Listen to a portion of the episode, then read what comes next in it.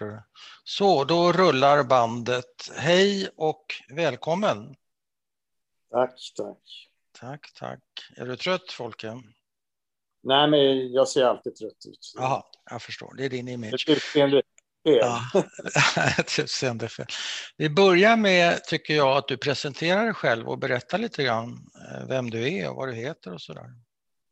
Ja, jag heter Folke Breitbart och eh, är född i juli 1948 i kräftans tecken. Eh, jag föddes inte ensam, jag har en syster som föddes samtidigt. Ja, Så, så det är kul när man föds och är två stycken. ja. Vem är äldst? Ja, det är jag såklart. Ja. Nej, det är jag. Ja. Det blev så. Det är 20 minuters skillnad ungefär. Ja. I alla fall, eh, jag föddes i Rimbo. Eh, dit mina föräldrar kom efter kriget i andra etappen, så att säga. Och eh, jag, eh, jag är advokat. Jag jobbar lite sporadiskt, för jag är pensionär. Men jag är i gälden fortfarande. Jag har två döttrar och sex barnbarn. Oj, Rik man. mm, Och, verkligen. Dessvärre dog min fru för nio år sedan. Nej, förlåt, för tolv år sedan var det faktiskt. Och så jag är enkling. Mm. Eh, ja, jag lever i Stockholm för närvarande med mina barn och barnbarn under dessa coronatider. Vad fortfarande- betyder, vad betyder för närvarande? Ja, det betyder för närvarande. Det finns inget annat boende just nu. Nähä. Men planerar du ett annat? Alltså, man vet ju aldrig eh, vad som kan hända i framtiden. Jag bor bra nu så att jag, skulle, jag kan inte nu tänka mig att flytta på något sätt. Alltså. Nej, okej. Ja. Du har ju, tittar man där på folkbokföringen eller hittar så där, så har du ju två påfallande judiska namn också, eller jiddisch kanske till och med, eller hur? Feivel Ja. och Schmool. ja. Två stämmer. färgstarka namn. Ja, och det beror på att den ena är min morfar Ja, och den andra är min farfar. Eh, Feivel var morfar och Schmoll var farfar. ja. Och eh, när jag fick de namnen eh, i Rimbo, ja. då hette jag inte Folke. Nej, Nej, utan då tyckte alla som bodde där, som kände mig själv, som inte var judiskt ursprung, att han kan inte gå omkring och heta Schmoll Feivel. nej. Vi kallar honom för Folke. Ja, Ja. det. Och sen hände det med, eh, det kom med i, i mitt, officiellt som mitt namn efter militärtjänsten. Ja, Jag var 68, för i lumpen var det, det började bli riktigt jobbigt att heta Schmollfeiven men kallas för Folke. mm. Och ingen visste om att jag kallades för Folke. nej. Men det är ordnat nu. Men var det alltså dina kompisar som löste den här knuten? Nej, nej, eh, nej, det var inte. Det var jag som, som ändrade namnet för det, det blev besvärligt. Men de började kalla dig för Folke, sa du? Ja, men det var ju när jag var spädbarn. Det var mina, mina föräldrars vänner där, Ja. de bodde. Jaha, de Och- börjar med det. Ja, just det. Och eh, eh, sen har det hängt med hela livet. Alltså. Ja, Jag kunde inte, människor kunde inte fatta vad small fivel var för någonting. nej. Jag sa folke. Ja. Har du, eh, tycker du om de två namnen, Schmoll-Feivel? Ja, i och för sig. Jag skulle gärna heta small eller fivel idag. Det är ganska originellt. Ja. Nu ser Sverige annorlunda ut än 1948. Ja, just det. Det här med, med främmande namn är inte något större problem längre. Nej. Så, att det, så är det i alla fall. Mm. Eh, ja, Men eh, vad fick du för några problem i militärtjänsten med dina två judiska namn? Eller jiddischnamn är det väl snarare än judiska? Eller vad är det för något? Skulle du säga?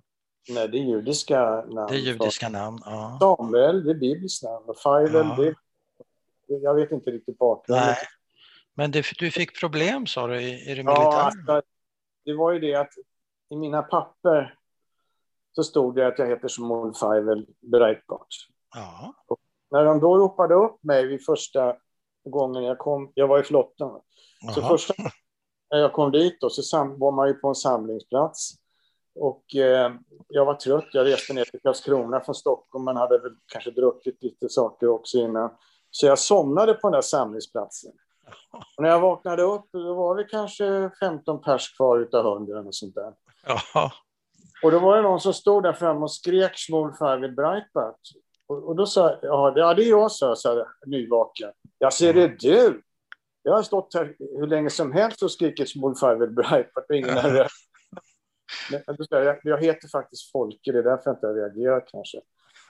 Eh, men det står så i papperna, du har rätt i det. Så. Ja, det får du ändra sen. ja, det får du ändra. Ja, men det ska jag göra. Det, det har jag tänkt ja, ja. Och det gjorde du sen när du, när du muckade sådär? Så ja, 60, 69. Mm. Så då kom folk till som mellannamn. Var det viktigt? Ja, det blev ju lite... Det här var en lustig incident, men det kunde ja. hända saker som gjorde det lite problematiskt, men det funkar. Ja. Som till det... exempel vad? Nej, men alltså, jag sa att det Folke Breitbart, men om man ringde till någon som myndighet, men det står inte att det heter Folke, det heter, det heter. Ja. ja, ja, jag ska ändra på det, men det ska komma. men det var inga, inga allvarliga saker, man får ta Nej. det med humor. Ja. ja. Okej, okay. hemma, om vi hoppar tillbaka till Rimbo, pratar mamma och pappa jiddisch med dig då? Jag var ju så liten när vi bodde i Rimbo. Vi flyttade därifrån, då var jag väl nästan två år. Så att, eh, ja. Jag, med tanke på vad som händer efteråt så har jag i minnet av att de pratar mycket jiddisch sinsemellan. Ja. Eh, till oss också. Eh, ja. De var ju från Polen, mina föräldrar, men de pratade ytterst sällan polska. Ja. Bara när någonting skulle sägas så inte vi skulle förstå. Men de pratade jiddisch hemma och både jag och min syster lärde vi oss det genom att vi tilltalade på jiddisch. Ja. Eh, jag, jag kan ju jiddisch eh, precis lika bra som de nu kunde. Ja. Ja. Och det beror på att jag... Det är konstigt det där. Det, det latent sitter det i huvudet. Och första gången jag upptäckte hur bra jag kunde jiddisch, det var när jag besökte min moster i Israel. Ja. De kunde inget engelska. De kunde inte svenska heller. Och de pratade jiddisch. Och då började jag prata med dem. Oj. Först förstod jag ju vad de sa. Ja. Jag visste inte riktigt att jag kunde svara så bra. Och de förstod mig perfekt. Och då hade det störtat alltså i kroppen det här. Ja. Och sen fick det då uttryck då första gången när jag var tvingad ja. att, att uttrycka mig på jiddisch. Ja. Och sen dess har det bara hängt på, hängt på, hängt på hela tiden. Mm. Och jag är inte blyg av mig, jag snackar kanske för mycket ibland. Då kommer det fram. Då kommer det fram. Men lärde du dig svenska också så att när, när du börjar på lekis eller dagis eller skolan eller vad du nu börjar på första så att säga svenska eh, inträdet för dig, kunde du svenska då? Ja, jag lärde mig svenska genom att jag var ju tvingad att prata svenska ute i samhället även när jag var barn. Då. Jag hade ju svenska kompisar. Eh, Okej, okay. redan innan skolan? Ja, mm. ja, och mina föräldrar var duktiga. Jag tyckte de, nu i efterhand så tycker jag att de pratade förhållandevis bra svenska för att inte ha fått några utbildningar. Så de fick Nej. inte svenska för invandrare, ingenting. Nej. Men pappa var väl ute i jobbet och så där. Han jobbade mycket och träffade väl svenska medarbetare. Så, där, så. Mm. Och mamma också. Jag tycker de bröt ju såklart, det gjorde de. Ja. Ibland skämdes man väl lite, men ändå nu när jag tänker efter så måste jag säga beundra dem för att de hade ju ingen utbildning. Nej. I Sverige. Det fanns inte. Det är duktigt. Men när du plockade hem svenska kompisar, så kallade icke-judiska svenska kompisar, skämdes du för morsan och farsan då för att de bröt? Blev det så? Ja, i början eh, måste jag väl säga att det var lite sådär, ibland lite pinsamt, för de kunde ju säga saker som, som med deras brytning blev kanske inte så roligt att höra ibland. Nähä, vad var det då? istället för ros sa mamma rus. Och, och, och, rus kanske inte är så och, och, när de skulle sopa golvet så skulle de supa golvet. Ja. det blev lite mindre, men till slut kunde man ju skratta åt det där också. Ja. Men var det hellre hemma hos dina kompisar än hemma hos dig? Eh, det var väl både och. Alltså. Ja, så det var inte så laddat? nej, nej. Man sprang till varandra.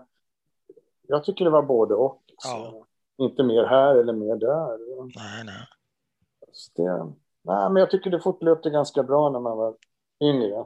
Mm. Jag hade större problem och, och eh, jag har inga, inga så att säga, dåliga minnen av att vara judisk eller ha konstiga namn och så där.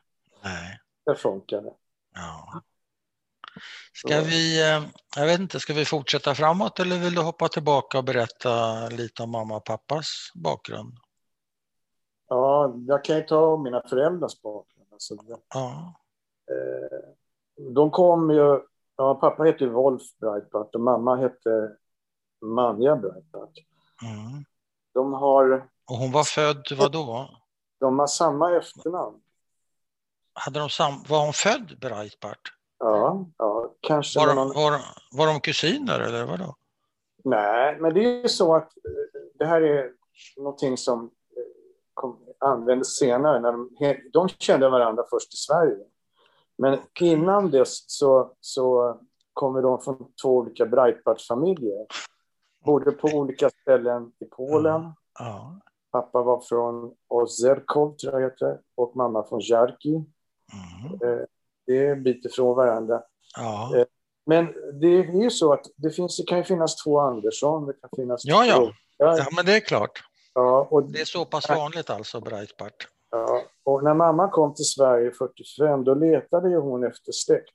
Ja. Eh, det var bara hon och hennes syster som överlevde kriget. Hennes föräldrar ja. och eh, hon hade tre andra syskon som dog i kriget. Ja. Och då hittade hon i Malmö en Breitbart på Röda Korsets listor. Det är klart att hon försökte få kontakt med honom. Ja. Wolf Breitbart hette han. Och det visade sig att han var häktad i Landskrona. Ja, för han hade, de hade tagit honom på svensk vatten. Han hade kommit hit illegalt. Och det var efter kriget och då visste de inte, de hade inga papper. Va? Det var agenter eller vad det var. Så de sa det. Men hon fick komma in till honom i häktet där. Och, för hon ville ju veta vem den där Breitbart var. Ja. Man letar efter släktingar med ljus och lykta. Just det. Ja, då pratade de ju jiddisch med varandra. Ja. Så vakterna förstod ju ingenting. Nej. Men att de kan inte vara släkt, de här två. De kunde inte vara släkt, de hade ingenting med varandra att göra. Nej. Och eh, då sa mamma på jiddisch att jag kan ju säga att du är min kusin. Ja. Han har ju inga papper eller någonting, så får det vara Ja, då utmålades ju han som kusin. Ja. ja. Så han blev ju frisläppt då. Så tack, började... tack vare henne. Men han blev väl lite förtjust där och, och sen höll han kontakten. Och Ja. Han flyttade ifrån, han var inte kvar i Landskrona, han, han åkte norrut till Stockholm. Ja. Eh, till, till Rimbo, förlåt. Ja, till Rimbo. okej. Han var skräddare så han fick jobb på en judisk konfektionsfabrik som ägdes av en judisk man som heter Kaplan. Mm. Kaplan, ja, det var en damkonfektion. Hade han i Rimbo en herrkonfektion i Stockholm. Två olika fabriker. Ja. Och det här var ju på 40-talet så att det, Sverige skrek ju efter arbetskraft. Ja. Han fick Låg jobb inte Kaplans fabrik i Stockholm på Kungsholmen eller har jag fel? ja, på Igeldammsgatan. Just det. Mm. Och den här låg, så pappa började vara i Rimbo. Marcus han var ju den huvudmannen i den familjen. Ja, var ju väldigt, väldigt mån om de här flyktingarna. Han just tog hand. Av och han var ju nästan som deras föräldrar. Som mina föräldrars föräldrar. De såg väldigt mycket upp till honom. Sen när han dog kommer jag ihåg, det var hemskt sorgligt. Alltså. Men i alla fall, de, de fick jobb där och då, då sen gifte de sig. Han, mamma kom upp till Rimbo. De gifte sig och eh, eh, sen fick vi, kom vi till världen 48. De Ja. gifte sig 47 tror jag. Mm. ungefär ett år, ett år innan. Och eh, sen kom vi till världen där. Och de Blev, det där. ett, blev det ett eh, lyckligt äktenskap? Det, det var ju rätt så udda start kan man ju säga. Alltså mamma var ju väldigt sjuk i, i början. Hon, hon, Ja. eh, hon kunde inte ta hand om sina tvillingar. Det var väldigt svårt. Och pappa jobbade Mm. jättemycket. Vi fick, vi fick vara på ett eh, barnhem i Mm. början. Mm. Eh, för att hon skulle få vila upp sig. Ja. Hon blev så, så sjuk och blev opererad i Norrtälje. Och det, var, ja, det, det var mycket, men efter ett tag kom hon igen och då började hon ta hand om oss. Vi kanske var borta ett halvår. På barnhemmet? Ja, jag minns inte exakt, men något sånt. Nej, det är svårt att komma ihåg. Vet du var det var någonstans, det här barnhemmet? Ja, Söderberken. Var ligger det? Är det en ort, Söderberke? Ja, ja det vet du. Har du varit tillbaka och kollat? nej, nej. nej. nej alltså, det måste väl ligga i Västmanland någonstans. Okej. Okay. Skulle jag tro. Men, men vad var det hon inte klarade? Hade hon fysiska skador eller psykiska skador eller både och? Både och. Alltså det, hon, hon var ju väldigt tagen. Hon var i Bergen-Belsen när hon blev befriad. Hon ja. var ju tagen alltså när hon kom hit. Ja. Och, eh, men sen fick hon jobb i Malmö. Men vänta lite Folke, inte så snabbt. Ham, hamnar hon i någon slags förlossningspsykos då, eller vad händer? Eh, det, kan, det tror jag inte, inte vad jag vet i alla fall. Nej. Det är klart att det blev en chock för henne att vara gravid med två barn. Eh, men det, ja. går, inte, det går ju inte att ändra på.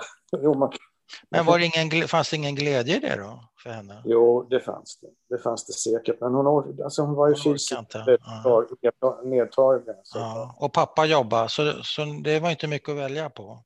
Nej, han fick jobba. Han, var väldigt, han, han hade den inställningen, så jag förstår honom i alla fall, att nu när han inte behövde vara slav och jobba, ja. jobba så fick han betalt fick inte stryk efter jobbet och, och, och, och, och mådde bättre och bättre. Så då jobbade han mer och mer. Ja. Han blev ju nästan arbetsnarkoman. Alltså. Ja, det låter så. Framöver. framöver. Ja, ja. Eh, men vad händer? ni kommer hem då till Rimbo efter ett halvår ungefär. Ja. Och var har mamma varit då någonstans? Vet du det? Eh, Ja, hon har vilat sig helt enkelt. Alltså. I, I bostaden? Ja, jag tror det. Jag har ingen minne av att hon varit någon annanstans. Nej. Men jag kanske ska gå ändå tillbaka i tiden. Ja, just när, när, när de är yngre. Mm. För att pappa var, var utbildad skräddare från Polen och mamma hon hade väl inget mer än en folkskola skulle jag tro. Sånt där. Mm. Och när kriget bröt ut 39 då blev de ganska fort omhändertagna av tyskarna för straffarbete. För, för, för de, eh, pappa var ju en väldigt stark person, alltså han var väldigt psykiskt och fysiskt stark. Mm. Och, så han fick ju då jobba i, i Auschwitz och jag tror han till och med byggde upp Auschwitz. Oj. Så tidigt alltså, han var där i ja, början? Mm. Ja. Och, och, mamma hon, hon, togs för, hon jobbade på ett spinneri, ett tyskt spinneri som gjorde kläder och tyska soldater. Ja, just det. I alla fall så, de blev ju väldigt tagna av det här. Men, mm. men pappa överlevde ju Auschwitz. Mot slutet, när man skulle stänga Auschwitz, när ryssarna kom, då blev ju tyskarna de blev skraja och de ville döda så många som möjligt. Mm. Och han fick gå en dödsmarsch från Auschwitz till eh, Neustadt Mm. Alltså Neustadt är en hamn som ligger i norra Tyskland. Och där hade tyskarna organiserat så att man stoppade in de som överlevde den här dödsmarschen, som inte mm. sköts dödades på vägen, mm. i fartyg som låg där. Eh, pappa stuvades ombord på ett fartyg som heter Caparcona. Det var ett gammalt passagerarfartyg som gick mellan Hamburg och Buenos Aires tidigare, som Titanic ungefär. Det, ja. tog, ungefär 8000, nej, det tog ungefär 2500 passagerarbesättning. Men där, då, då, tyskarna hade ju rekvirerat passagerarfartyget. Mm. De använde som depåfartyg och nu hade de gjort ordning för att stuva ombord alla flyktingar. Deras tanke var att fartyget skulle sänkas. Mm. Och de som var inne i fartyget skulle kvävas till döds. Mm. Eller drunkna på något sätt. Mm. Mm. Så de plockade in då 8000 människor i det där fartyget. Det var låg på varandra. Alla gånger var fulla. Men när pappa mm. kom så kom han så sent. Så de kunde inte få in honom i fartyget. Nej. Så han var med några hundra på däck. Jaha. Och den tredje maj 1945 stod de ju där på däck och, och de visste inte vad som skulle hända. Då kom det flygplan flygande. Men de hade inga hakkors. Nej. Det var brittiska flygvapnet. Mm. de hade fått signaler om att det var tyskar som försökte fly. Och vad gjorde de? De bombade fartyget med fosforbomber. Oj. Så utav 8000 överlevde 400 personer. Oj, oj, oj, oj, oj. Och det här finns beskrivet i en bok som en svensk vetenskapsman, historiker, har skrivit som heter Dödens hav. Jaha. Mm. Eh, Hela det här händelseförloppet, till och med Ja. utdrag från varför bombade de? Visst förstod, Ja. förstod de? De hade blivit varnade om att det kunde vara falska upplysningar. Mhm. Men när, när engelsmännen då upptäckte väl sent, då försökte de plocka upp de som var i vattnet. Och eftersom Mm. pappa inte var i båten, Nej. Var han i det där, det var ju olja som brann, så de drog väl Ja. upp honom Ja. eh, och räddade honom bland de här 400. Tyskarna var ju så effektiva så att de som, det här, det här fartyget kapsejsade i hamnen så det lades på sidan. Ja. De som lyckades komma i land, de sköt tyskarna. Mm. De sköt dem, förutom på de områdena som engelsmännen fanns på redan. De var ju inte överallt. De hade just kommit in där. Ja, just det. Först flygvapnet och sen med fotsoldater och allting. Så att de, Ja. det här hände precis vid växlingen. Alltså. Ja, just det. Men pappa räddades av britterna då med andra ord. Ja. Kunde han, Ja. sim, kunde han simma? Det, det här var ju i hamnen. Va? Jag tror han kunde simma, men det här var i Ja. hamnen. Det var inte långa avstånd. Nej, nej, men man måste ändå kunna... Men men han simmade, jag tror han blev upplockad Ja, okej. av en fiskebåt eller någonting. Ja. För engelsmännen, de tog ju, rekvirerade allting. Och han, Ja, just det. Det finns en till judisk man. Jag vet inte om han lever, som bor i Sverige, eller som bodde i Sverige, som också överlevde Cap Arcona. Ja, Som pappa där uppe. okej. Eh, Han berättade att de tog sig till, de var ju brännskadade. Ja, De tog sig till sjukhusen och tyska läkarna vägrade att eh, göra någonting för att, för att lindra skadorna. Och ja. då tog en engelsk soldat fram en pistol så håll den mot huvudet på läkaren och sa gör det ingenting så dör du. Oj. Då började de göra något. Det behöv, det, det, den signalen behövde tyskarna ha för att Ja, göra. I alla ja. fall så överlevde han det här och då, då var de ett gäng killar som inte ville vara i Tyskland eh, efter kriget. De ville komma därifrån, de ville åka till USA eller till Israel. eller- Mm. I alla fall bestämde de sig för att försöka ta sig till Sverige. Eh, och eh, Och varför Sverige? Vet du det? Sverige hade ett gott rykte, de var ju neutrala. Sverige var inte drabbat av kriget. Nej, just det. Här Det var ju hade allt- varit neutralt, ja. Mm. Ja. Och här var ju, de var ju på en grushög i princip. Allt Ja, var ju förstört. Ja, Så de på något sätt så lyckades de få ett skjuts ut till svensk territorialvatten där de släpptes i land med en gummibåt. Och där innanför på svenskt territorialvatten så var det någon patrullbåt som tog. ja som plockade men det var ingen nackdel för dem. Det var ju bara bra. De slapp dem och, De ville ju komma till Sverige. Ja. Men då, då blev han häktad alltså? Ja, i avvaktan på att man skulle klara ut deras identitet. Ja, just det. För, för, för Men, hans del har jag berättat. Ja. Men berätta, vi, hoppar tillbaka en gång till då och så uh, lyssnar vi på mammas historia. Hon var ett spinneri sa du? Ja, det var under...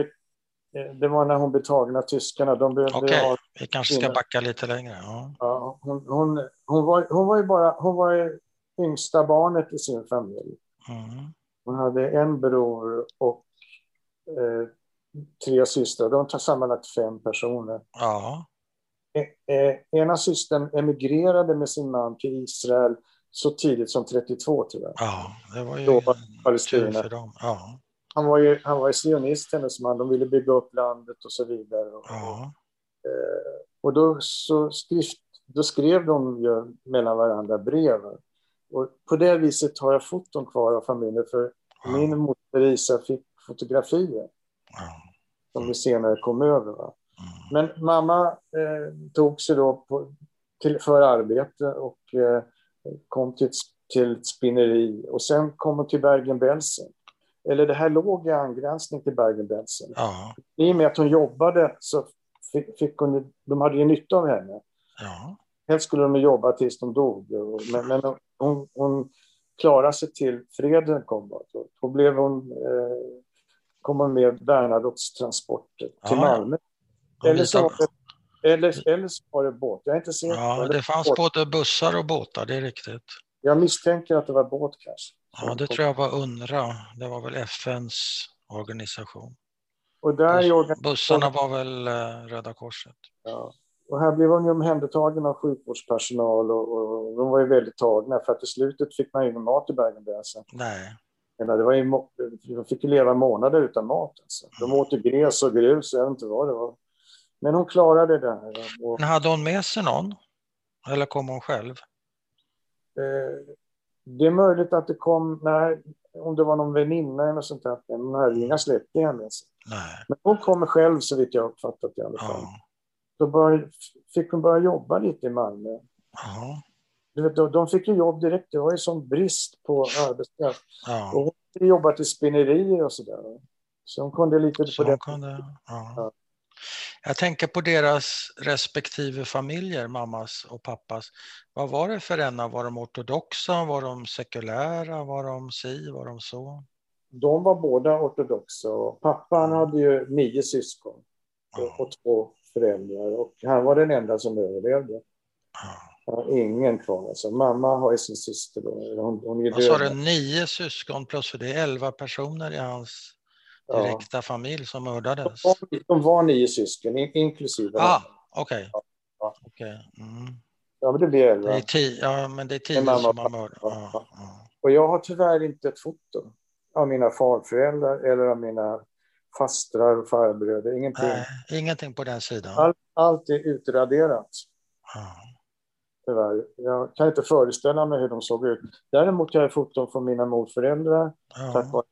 vare och en del min morbror och eh, även mina mostrar faktiskt, som är, dog då, har jag foton. Ja. Ja. Och även någon kusin har jag också. Är det viktigt för dig? Ja, det är synnerligen viktigt. Alltså, jag, menar, jag sörjer väldigt mycket. Jag har ju varit i Polen och besökt koncentrationslägren med, med den här resan som Miriam Kellerman Ja. Gjorde 2012. Och det var ju mycket viktigt alltså, att gå igenom alla de där. Då fick man ju mer kött på benen så att säga. Ja. Och- Men det var också jobbigt. Alltså. Men det var, det var värt att ta det. Det var det, ja. Så Men det- vad fick, du, vad fick du veta av dina föräldrar? Vad berättade de? Alltså det var ju mest fragment. Eh, Ja. Eh, Pappa berättade inte direkt till mig, inte mamma heller. Ibland stod mamma och grät ganska mycket. Och begrät då att hennes bror hade blivit skjuten på stan där och, och hennes föräldrar hade blivit mördade. Och Ja. var väldigt ledsen för det. Och jag plockade upp, Fast du sa så här, hon stod och grät. Var står hon då? I köket eller står ja, hon när hon lagade mat, hon plötsligt Ja, Okej. vidare. Men de fragmenten som jag uppsnappade, i och med att jag lärde mig jiddisch, Ja. även om jag inte pratar så mycket, va? Nej, nej. de här människorna som kom överlevde kriget, de pratade mycket med varandra Mm. om vad de hade gått igenom. Ja, det är klart. Och då fångade jag upp en del. Så du fick det den vägen, Ja, i andra det. hand så att säga. spioneri. Men var inte det skrämmande för dig? Jag vet inte hur gammal du är när, när du ägnar åt det här spioneriet. Ja, det började redan vid, vid sju, sex, sju års ålder. Ja, men var det inte läskigt? Jo, det är klart det var jobbigt att inte kunna ventilera de här uppgifterna med någon. Men å andra Mm. sidan, jag behöll det. Dem i huvudet. Det kom, man lyssnade Du pappa behöll det? Ja. Jag vet att pappa berättade för en bekant att han hade blivit slängd på en likhög. ja. Han utan hade något tyfus eller ty- Ja.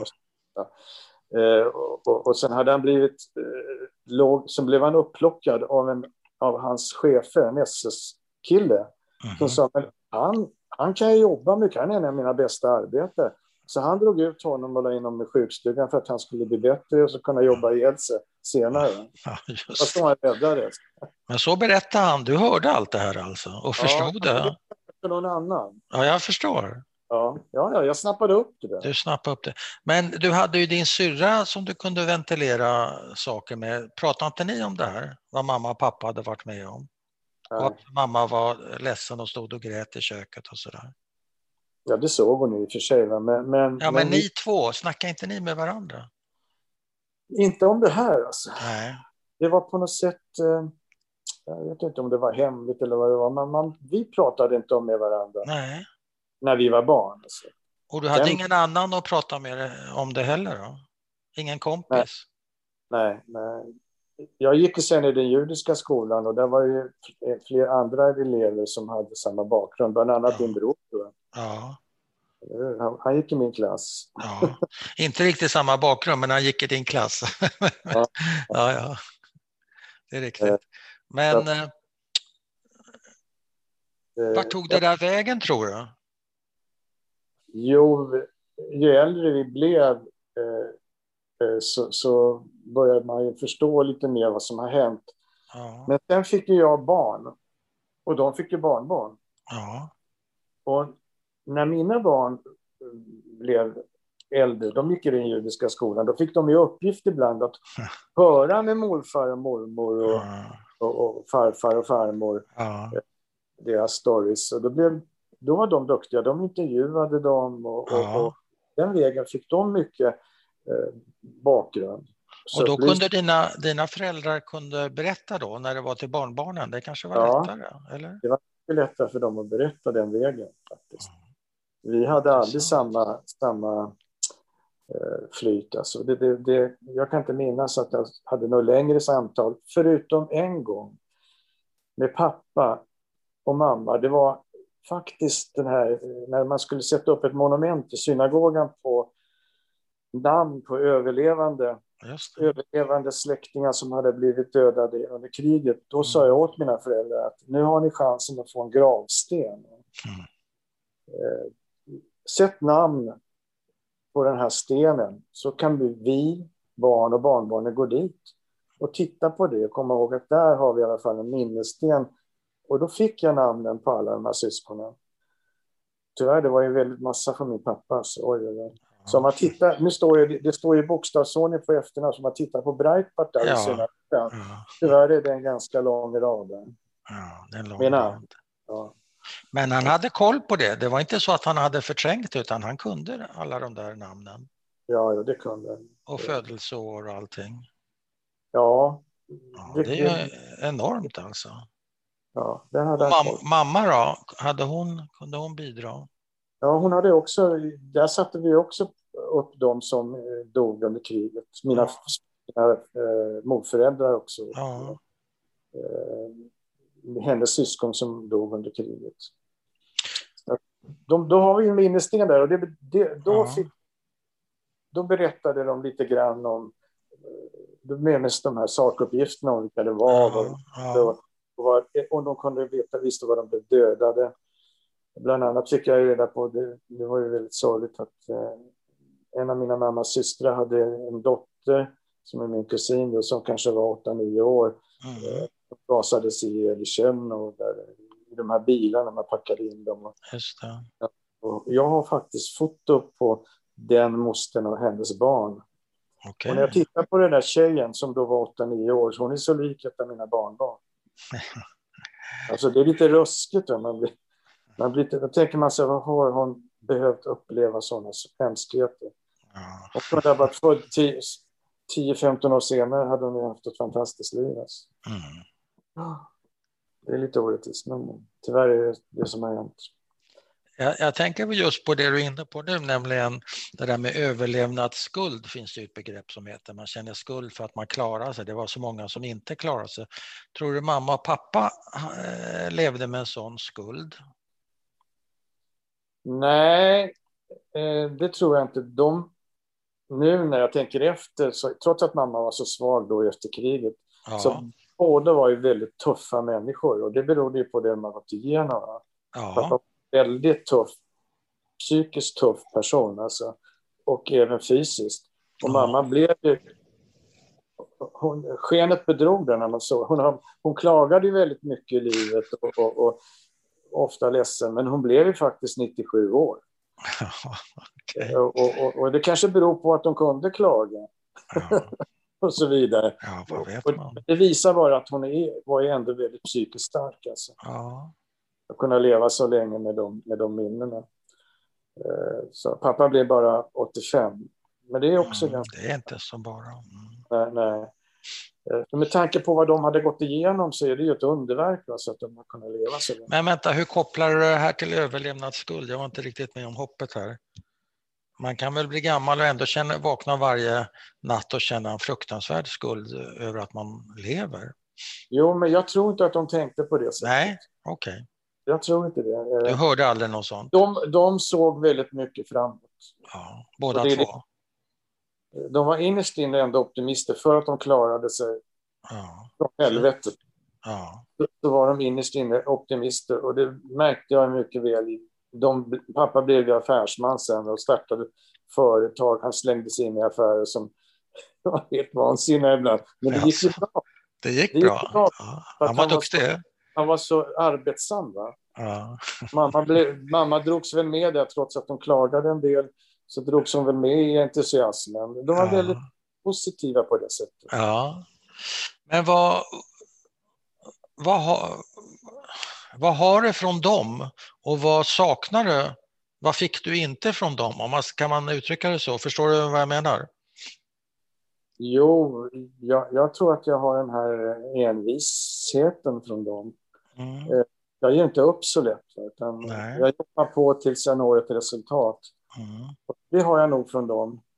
Eh, och jag, jag, ser sällan, eller mycket sällan bakåt. Utan ser du tittar framåt, precis som ja, mamma och pappa gjorde. Ja. Ser möjligheterna istället för det som inte är möjligt. Mm. Eh, det tror jag jag har från dem faktiskt. Mm. Eh, sen så har man väl utvecklats lite själv, får man hoppas. Utan påverkan. Men, ja. men, men, eh, jag, jag, känner ofta att, att eh, det är sån här lite jävla anamma, det här ska jag fixa nu. Alltså. Det ska ja, just det. Ja. Och det var min pappa lite grann också. För han, han, han, ibland var han i knepiga situationer, alltså, även om man inte vill erkänna det. Men han drog sig igenom det.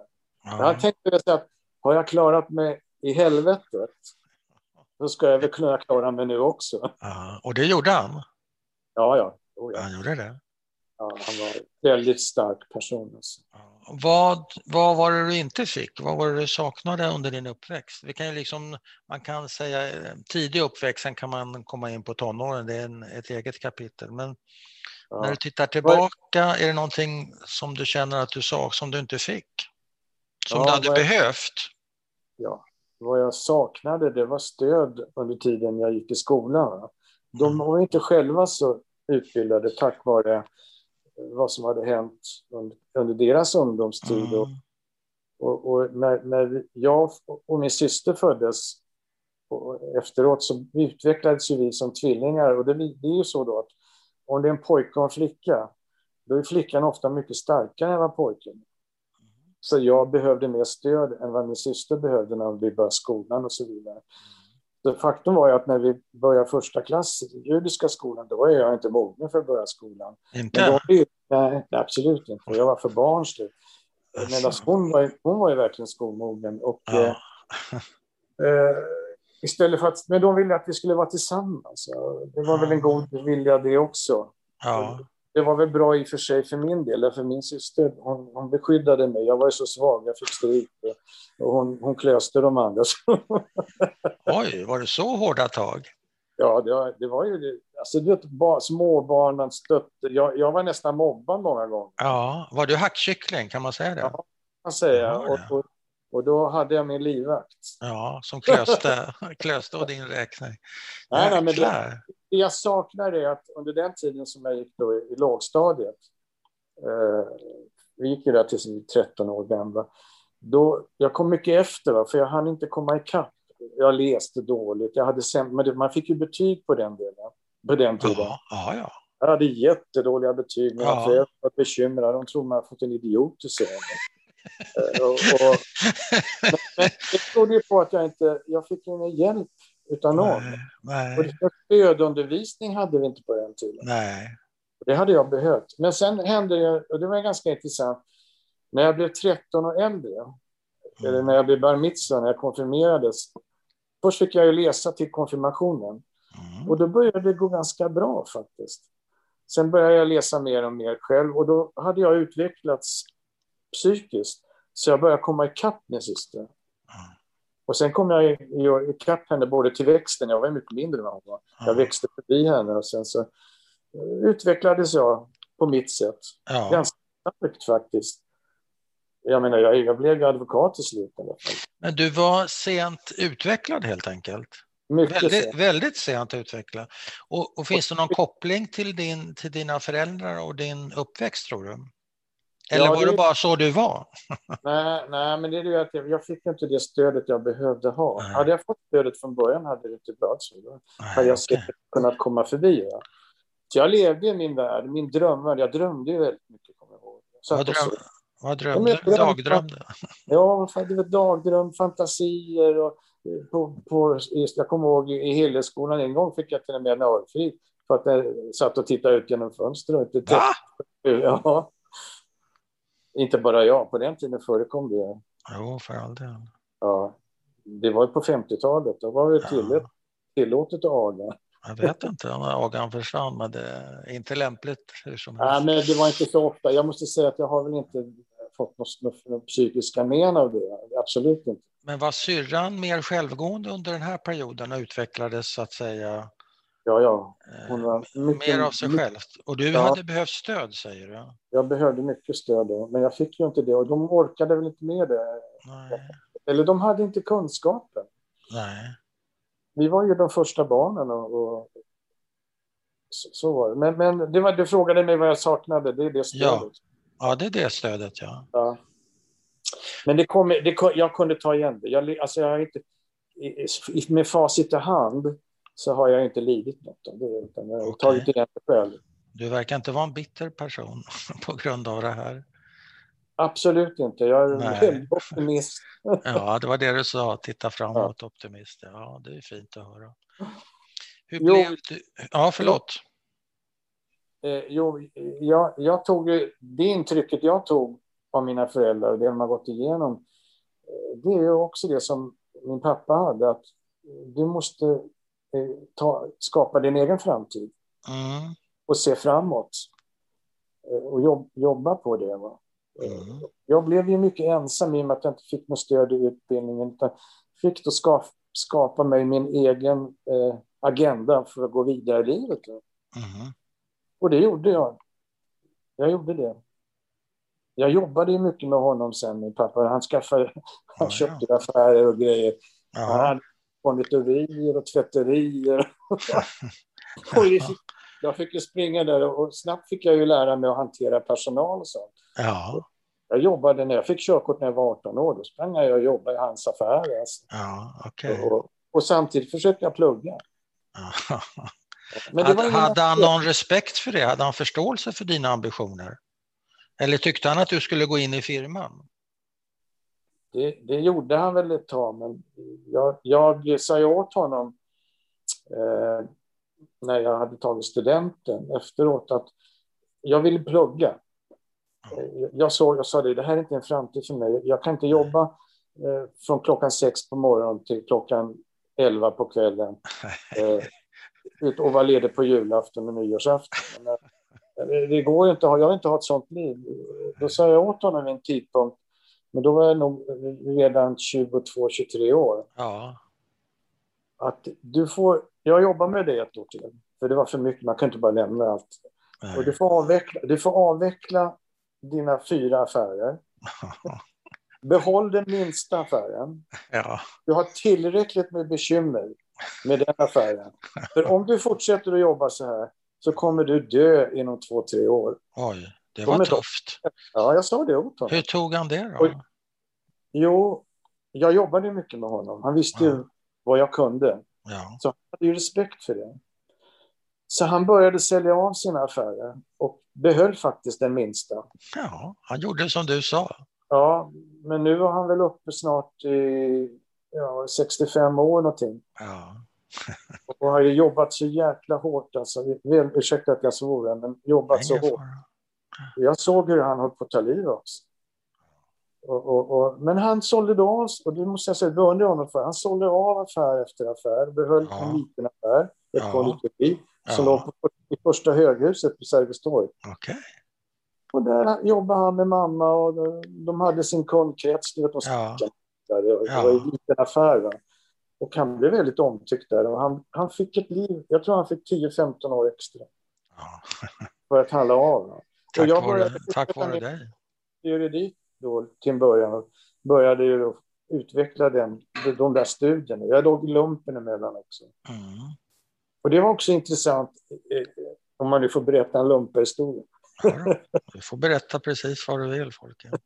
Men det har med, med, med min, min, min, min, eh, att jag är jude att göra. För jag låg, 1968 låg jag på en jagare ja.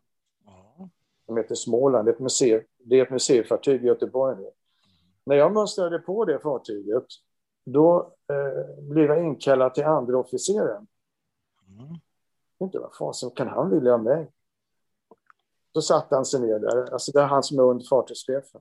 Mm. Ja, då, då började han prata och sa att du, eh, vi vet att du tillhör, du är en mosaisk trosbekännare. Alltså, han sa inte att du är jude. Nej, ja, han sa ju så.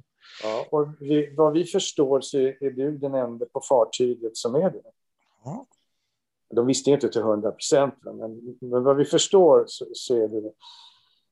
Eh, och det, vi, vi, vill inte att ska, du ska få något problem med anledning av det. För vi var ju bara vi var 120 eller 130 personer på det. Då vill vi att du har en kontakt med oss om det skulle upp, dyka upp några frågor med anledning av det. Att du får problem. Då vill vi att du snabbt informerar fartygschefen och mig om detta så vi kan vidta åtgärder mm. för att stävja sådana saker. Vi vill mm. inte ha sådana problem på våran båt. Nej. Och eh, jag blev jätteförvånad när jag sa ja, ja visst, jag ska, vi ska hålla er informerade. Ja. Men faktum är att det hände aldrig någon incident. Nej, men det var ju en omtanke. Ja, men det som ligger bakom det här lite grann, det är att 1968 när jag ryckte in, det var ju strax efter sexdagarskriget i Israel. Ah, ja. och jag märkte, det var 67, ja. Mm. ja. Och jag märkte att de här officerarna, de beundrade ganska mycket israelerna. Ah, ja. Ja. Jag menar, de är yrkesmän på det här ja. området. Ja, ja. Och, och, och då, då ville de kanske ja, supporta lite grann, förstår du? Ja, jag fattar. Men det hände aldrig något framför allt. Och det, det, och det visar bara att i det här slutna samhället som ett fartyg är, va? så får man lära sig respektera varandra. En social mm. gemenskap. Man får mm. social kompetens, kan det heta. Ja, just det, det. Verkligen. Sen har jag levt med det hela livet. Så här borde ju man packa ihop ungdomar någon gång. Va? okay. För att de får lära sig att ligga i samma mäss och ta hand om varandra om de är dåliga. Ja. Eller... Och faktum är att jag, jag ser tillbaka på den tiden med stor glädje. Jag tyckte det var mm. jättefint. Det var en bra period. Ja. Men vi kom väldigt nära varandra. Och det, ja. Jag var ju den enda som egentligen hade utländskt påbrå. Mm. Jag, tänkte, jag tänker nu mer om man skulle ha den här situationen. Jag undrar hur det skulle gå. Men du fick inte. inga frågor om ditt efternamn eller om ditt utseende? Eller, inte jo, jo, jo. Jo, det fick du. Ja, ja. Jag berättade Du berättade, ja, ja. Jaha, ja. Så. ja. Det var inga större problem med Nej, det. Då hade de lärt känna en jude då. Ja, jag, jag, hoppas att det var positivt. Ja, det får vi utgå ifrån. Jag ja. tänker på den där åldern, eh, tonåren just, 18, 19 och kanske däromkring. Gjorde du något så kallat tonårsuppror någon gång mot dina föräldrar? Eh, ja, kanske inte. Jo, det tror jag nog. Eh, jag, var, jag var lite förbittrad på min mamma för hon, Eh, hon var inte så tolerant. Hon, hon uh, gillade inte om jag träffade tjejer och sådär. Och, och, men hon, hon, kunde, när det gäller min syster var de ju väldigt stränga. Ja. Men när det gäller mig kunde hon inte göra så mycket. Jag, var ganska, jag hade ganska stor pondus på den tiden. Ja. I och med att när jag var 18, med att jag 16, 17, 18 år jobbade jag ju med dem. Ja, just det. Hjälpte dem. Va? Så då hade man, fick man en viss betydelse. Jag var inget barn längre. Jag jobbade lika hårt som min pappa ibland, för jag var ganska stark i den åldern. Ja. Men när du säger flickor, var det alltså icke-judiska flickor vi pratar om, eller vad var problemet? Var det flickor i största allmänhet? De ville ju gärna att man skulle ha en judisk partner, flickan, ja. de tonåringar. Och det, det, det blev ju inte så. I början, till en början. Och hur reagerar mamma på det? Ja, hon blev lite hysterisk faktiskt. Hon blev lite hysterisk. Men, men det, det, det, vad betyder det? Vad gjorde hon? Vad sa hon? Nej, hon försökte sabotera och, och tala om att ja, ge dåligt intryck till de här damerna när de ringde upp. Hey, vänta, sabotera för dig? Ja. ja. Och hur, hur gick det till? Vad ja. sa hon då? Ja, hon ringde väl och sa att hon kanske inte ville att vi skulle umgås och så vidare. Men det där förändrades. Det där förändrades faktiskt. Först och främst därför att jag slutligen träffade en judisk flicka och gifte ja, mig. Ja, men det är klart. Ja, och då hade, då hade hon mage att säga att det var tack vare henne, vilket det inte var alls överhuvudtaget. det var inte alls hennes förtjänst. Det var, det var på hålet att det inte blev så, men det blev så. Det, det, blev, ja. det blev ju väldigt bra. Ja, eh. det blev bra.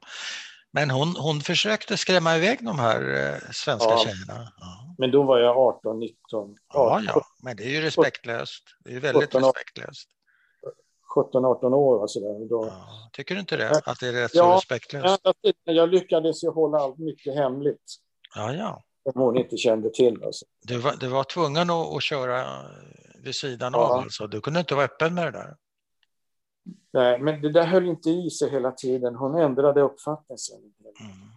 Eh, och, och, det får jag säga, det tycker jag var fint. Men det kanske beror på att hon hade ju mig i hand och hade ju gift mig med en judisk Ja, jag menar det. Då lugnade hon ner sig. Det blev, ja. det blev lättare för min syster också då. Ja. Och accepterade han den partnern, din judiska partner? Eller var hon ja. kritisk mot henne? Nej, nej, min judiska partner hade precis samma bakgrund som jag. Hennes föräldrar kom från koncentrationsläger. Ja. Hade, de pratade jiddisch föräldrarna. Ja, så allting var som det skulle. Ja, ja för henne var det ju önsketänkande ja. så att säga. Ja. Men det gick bra. Hon ändrade sen. Ja. Så att, eh, hon blev mycket mer tolerant med åldern, konstigt mm. Mm. Det är fint. Ja. Jo, alltså blev det. Sen så, ja, vi, vi jobbade på. De, eh, mina föräldrar dog ju sen mamma dog så sent som 2013. Mm. Och pappa 2015. Mm. Hade de mardrömmar, dina föräldrar? Alltså jag måste säga att jag, de hade säkert mardrömmar, men inte så att jag hörde skrik och sånt där. De berättade Nej. ibland att de drömde läskiga drömmar. Ja, okej. Okay. Jag, hörde, jag hörde inga såna skrik som många hörde. Nej. Berättar de någonting om sina drömmar? Eh, ja, mamma brukar säga att jag drömde om mina föräldrar. Ja. Pappa berättade ingenting nästan. Han var helt tyst. Mamma kunde berätta mer om, om att hon drömde om sin mamma och pappa. Mm. Och, ja. och du då, fick du några mardrömmar under den här perioden? Efter att jag hade besökt koncentrationslägren äh, äh, i Polen. Ja. ja. Jag hade varit där då var man ju lite uppriven faktiskt. Då ja. hände det att jag drömde konstiga drömmar. Ja, det är ju modern tid vi pratar om, eller hur? Ja, 2012. Ja, då fick du lite... Då kom ja, det... Då, ja. ja, det blev... Alltså, man såg, jag var ju Treblinka och eh, Majdanek var ju en läskig upplevelse därför att där var ju allt intakt. Gaskamrarna, byggnaderna, krematorierna, ingenting var ja. söndersprängt. Nej. Det var precis som du kommer in i lägret och skulle börja jobba där. Det var jäkligt läskigt alltså. Ja. Så att eh, Auschwitz var ju, det var ju också jobbigt, va? men där var ju gaskamrarna var ju sprängda. Ja. Det låg ju bara platt betong på varandra. Ja. Och, eh, men det var ju också, vi gjorde, det, det största intrycket var ju när man läste bön över de döda. Ja, Kaddish. Lägren. Mm. Eh, då kommer mycket tillbaka. Så. Vad drömde du för drömmar när du kom hem? Kommer du ihåg det? Ja, det var sådana konstiga saker om, om, att man blev jagad. Och, mm, sådana stressdrömmar? Stressa, just det. Ja. Men det var inte så mycket. Det, det hände någon gång. Alltså. Ja. Men jag drömmer en del andra saker också. Men det, det behöver jag inte berätta här. jag, jag det bestämmer du vad, du ska, vad som hör till historien. Vad det beror på. Men, men jag drömmer ofta drömmar. Ja, du gör det. Och, kommer, och du kommer ihåg dem? Inte alltid, men ibland. Skriver du ner dem? Nej, det borde jag ha gjort kanske, men, men det gör jag inte. Det är inte för sent. Det är inte för sent. När min fru, när min fru dog så drömde ja. jag mycket med henne, om henne. så. Ja.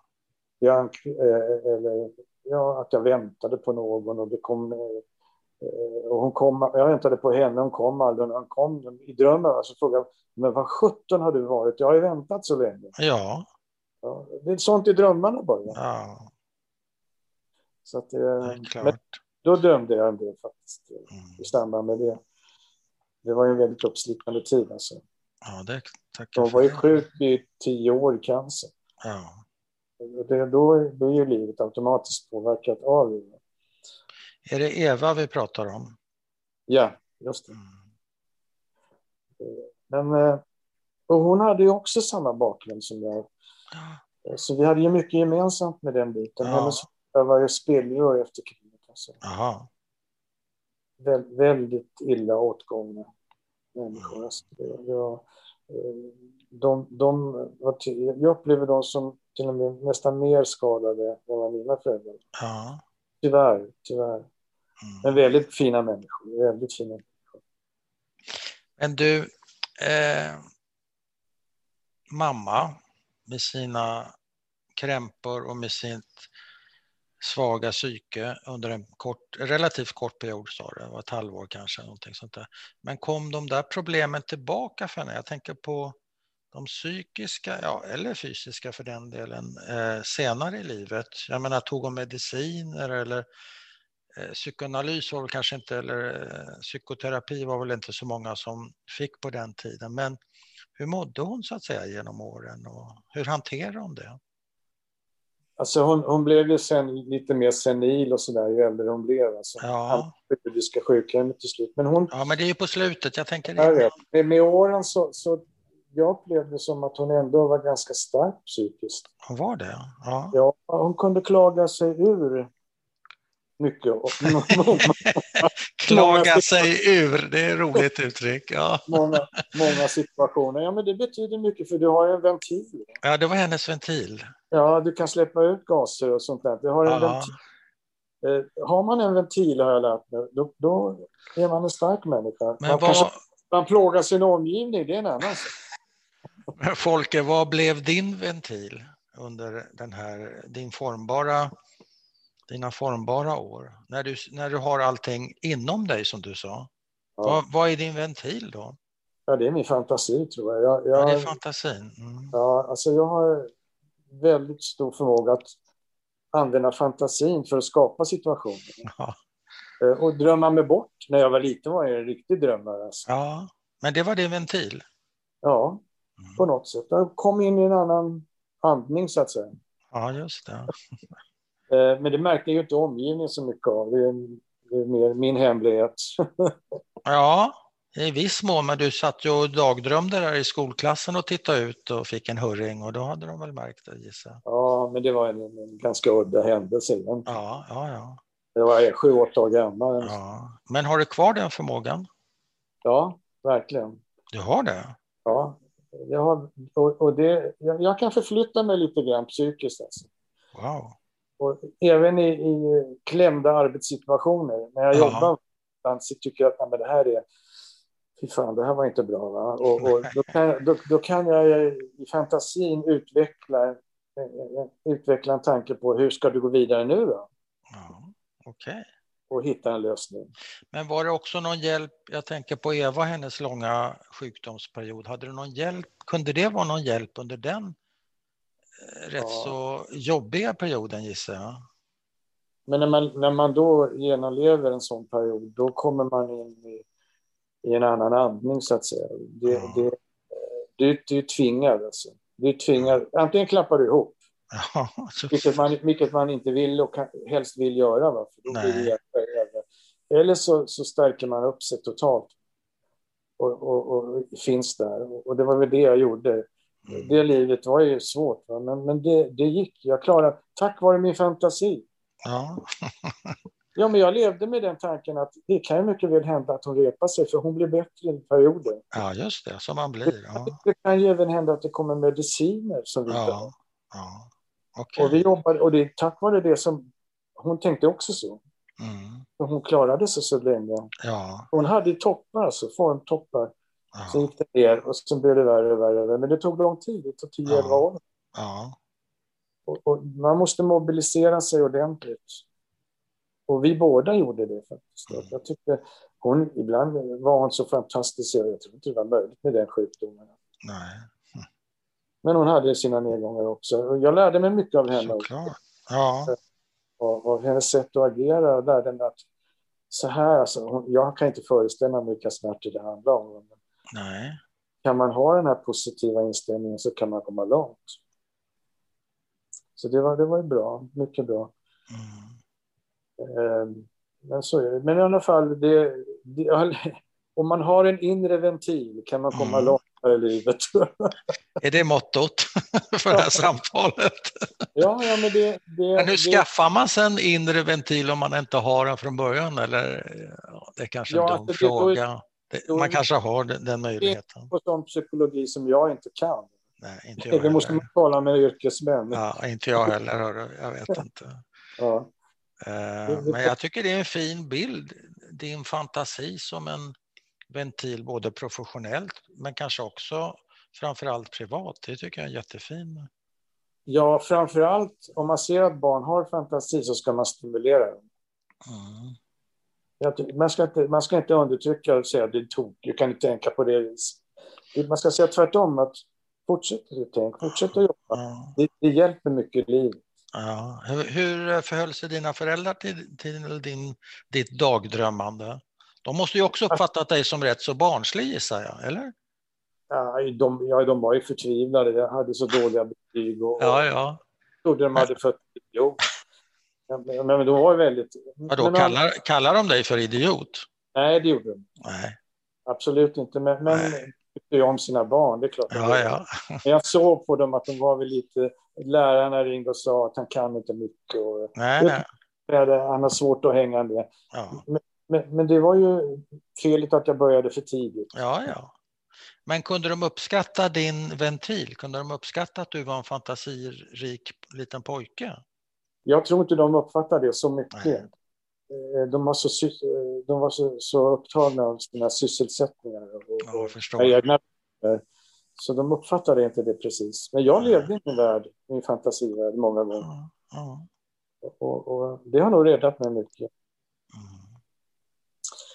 Mm. Och, och det, det, Ja. det roliga är att också om man är i en kne- knepig situation även när du blir äldre Mm. så får du impulser hur du ska lösa dem. Mhm. Det är jättebra. Mhm. Det är inte dumt. Det, det, var, det var tips. Tips från coachen. Du, en helt annan grej. Du sa att de var rätt så stränga, dina föräldrar, mot dina tjej, tjejer och det ena med det fjärde. Var de, fick du stryk och sådär någon gång? Nej, alltså. En gång kommer jag ihåg faktiskt. Ja, vad var det då? då? Min pappa, han älskade stenkakor och musik. Han hade en grammofon. Det var ju hans orkester. Och en gång så skulle jag flytta de där plattorna. De var inte instoppade i sina fodral, så tappade jag dem på golvet. Ja. Och de gick ju sönder. Ja. när han kom från jobbet så var det fyra, fem skivor som var spruckna. Ja. Och då kommer jag ihåg att då skrek mamma Åh, du får se när pappa kommer hem. jag kan bara vara fem, så det är en av de tidigaste minnena jag har. ja. Fyra eller fem år. Jag kommer inte ens, alltså det måste vara mycket tidigt. Mm. Och, och då fick jag en omgång alltså, med skärpet. Med skärpet. Över knäna eller var, var var det? Hur, hur var det upplagt så att säga? Det var väl... Det stod nej, upp? nej, jag stod upp. Ja, det stod upp. Jag kommer inte ihåg några detaljer, men det gjorde jävligt Men det gjorde ont, ja det kommer det Ja. ihåg. Men det är nog den enda gången jag minns. han- Det var väl hans, ja, hans stora intresse. Han köpte de där skivorna. Jo, jo. Men, men sen lugnade han, han lugnade ju ner sig sen. Det var inte så mycket sånt där sen. Nej, nej. Men de hade ju sett så mycket våld eh, under kriget så jag kan förstå att de innerst inne hade... De spärrarna som vi normalt har, det ha- hade ju inte de. Men, eh, men det, var, det var inte så att det förekom speciellt mycket. Vad jag minns. Men vad menar du då? Slog de varandra eller vad då? Vad, Nej. vad var det för spärrar som de inte Nej. hade? Det de såg i koncentrationsläger. Jag förstår det, men du säger att de spärrarna hade de ju inte här i Sverige, men hur yttrar sig det? Om, om det, det här var en engångshändelse sa du? Ja, men de, de, jag vet inte, de måste ha sett nog av våld. Va? Så de vill inte se mer. Nej, nej. Okej. Här hemma. Ja. Jag förstår. Det är så jag menar. Och, Jag eh, förstår. jag tror att de på något sätt hade den inställningen. Ja. Det vill säga, Eh. de hade spärrar. Ja, de hade spärrar. De hade spärrar. Med tanke på vad de hade sett. Ja, ja, då förstår jag det. Ja, och det, det, Det är ju skönt. jag tror att jag har, det är det enda egentliga minnet jag har av, stryk någon gång. Ja. Men då talade jag alltså om, om ja, tidigt 50-tal. Ja, just det. Fick man laga barn, tror jag. Jag vet inte. Vi har pratat om det här tidigare under det här samtalet. Jag vet inte. Ja. Ja, men jag, jag Det kan ju du kanske som, som jurist, advokat. missförstår mig inte, jag är väldigt emot aga. Ja, ja, ja, ja. ja men det fattar jag. Men å andra sidan, jag hyser inte agg mot mina föräldrar för att det här Nej. inte, Nej, med tanke på vad de har gått igenom. Så. det är fint att höra. Ja. Men har du någon gång känt dåligt samvete för att du har fått ett sånt jäkla bra och bekvämt liv, vilket ju dina föräldrar till en del inte alls fick? Eh, nej, nej jag, jag har väl... Eh, nej, det har jag väl inte. Jag har inget dåligt samvete på grund av det, det sättet. Däremot så är man ju ofta lite ledsen på man tänker på vad som skulle kunna ha varit om inte kriget hade funnits. Va? Om de här personerna hade levt och fått egna barn och Ja, släkt man hade haft. Alltså. Nu har jag ju inget på pappas sida och och på mammas sida har jag då min, mina två kusiner i Israel. ja, that's it. Ja, that's it alltså. Så Mm. att, eh, men det beror ju på, då blir man ju mer rädd om dem istället. För det är ju Mm. Så jag hade väldigt fin kontakt med dem i Israel. Jag bodde hos min moster i Israel några gånger också. Mm. I samband, speciellt i samband med min, min konfirmering, när jag blev bar mitzvah, Ja, då hölls den i Tel Aviv. ja, ja, okej. I en yeshiva. En Oj. yeshiva. Wow. Och det, jag, det, var, Seriösa grejer. det, var mina, det var mina föräldrars dröm, speciellt min morbrors dröm, eh, att jag skulle komma dit. Och det bety- betydde att jag fick ju lära mig då hebreiskan ordentligt. Och, och Ja, det gick ju bra där nere, det var inga problem. Ja, det var väldigt jobbigt att lära sig. ja, Så jag- den situationen att jag var på väg att bli lite bättre mentalt, säger mer receptiv och kunde lära mig bättre. ja. Det var den här övergången från de, den tiden när jag var lite slö, va, till jag blev bättre. det gick bra. Men att komma... Men- Då bodde jag hos henne i två månader. Oj, och det var där du lärde dig din Ja. eh, bar mitzvah-läxa? Inte bara det, var månader? Det var där jag lärde mig att jag kunde prata jiddisch. Ja, det Med hennes jag. man och med henne, de kunde inte engelska. Nej, men du skulle ju bara- läsa... Det bara flödade ut alltså. Ja. Men jag, det jag lärde mig hebreiskan, det lärde jag mig av min lärare i Sverige. Vi hade Jaha, en magister då som jobbade på den judiska skolan som sysslade Ja. med den här Ja. utbildningen. Eh, Så det var han som lärde. Han var med mig. Han var med mig i Israel och höll handen. Ja. Som tur. Jag var så jättenervös. Men är det rätt uppfattat att det här genombrottet med jiddischen med din far, faster och farbror, att det Morbror. ja, förlåt, morbror och moster var det. Moster, ja, ja. Ja, ja. Jag blandar ihop. Eh, var det, det låter som att det var en viktig vändpunkt för dig. Eh, Du beskriver dig själv som lite slö och lite dålig i skolan och lite si och lite så, men där kände du att det här, det här Ja. kunde du. Var det viktigt? Det var en fantastisk upplevelse. För att jag trodde inte att jag skulle kunna göra mig förstådd på jiddisch. Men jag var ju tvingad att göra det. Ja. De förstod ju inte mig annars. Eller fick Nej. jag någon med mamma översätta. Det, Just det. och det här ledde ju sen till att jag har ju spelat jiddisch-teater till exempel. För att jag Ja. kan använda mig jiddisch. Jag sjunger i jiddisch-kören Ja. För att jag, jag, jag, jag kan jiddisch. Och Ja. när jag ser nu på tv och ser den här Stissel Ja. med de här religiösa judarna. Va? Ja. Jag fattar varenda ord de- de kan Ja. på sitt språk. Och när man förstår deras hemspråk, det blir mycket roligare. Ja, såklart. Man kan ju se texten i och för sig. Va? Ja, men det är en annan eh, känsla. En annan upplevelse. Så, nu är det här, jiddisch är ju ett eh, hemspråk i Sverige. Det är det. Vad det heter, jag vet inte. Officiellt språk. Ja, minoritetsspråk kanske Minoritet, just det, minoritetsspråk. Ja. Så, Men du, din, din morbror blev jag lite nyfiken på, för du sa ju att han och moster åkte till Palestina på 30-talet var det väl kanske, därför Ja. han, var, han var sionist. Ja, Men du sa också att han ville att du skulle ta din bar mitzvah i en yeshiva. Var det rätt uppfattat? ja. Men det var väl Men mina vad, vad har en sionist att göra i en yeshiva? Det förstår ja, det, jag var ju, inte. det var inte bara hans önskan, det var föräldrars framförallt. Ah, det är någonting Ja. annat. Ja, då Ja. förstår jag. Men han hade inte... Han blev sen... Den politiska tillhörigheten för honom, det var ju Liberalerna. Ja, okej.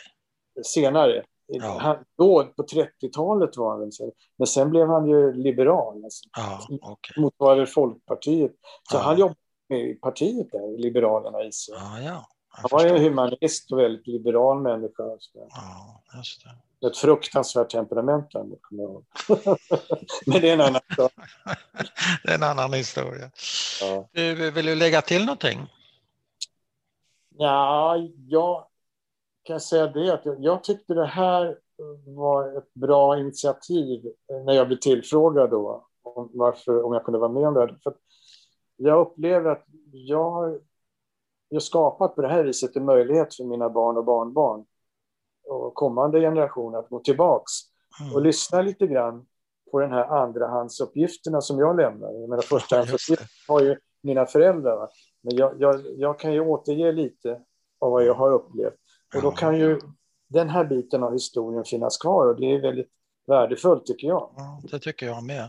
Ja. Men jag ska korrigera det på en punkt, Folke. Att en stor del av de uppgifter du har lämnat är förstahandsuppgifter, för de har handlat om dig. Ja, det, ja, är, men det, är jag- inte, an- det är inte andra hand. Nej, det är riktigt. Men det kan bero på de frågor som jag får. Och så där. Ja, ja. ja, ja. Eh, Och, ja, men det, ja, det, det är mycket möjligt att du har rätt. Ja. Det, var var en, det. det var en randanmärkning. Tack så mycket. Det har varit Ja. fint att, att prata med dig. Tack själv.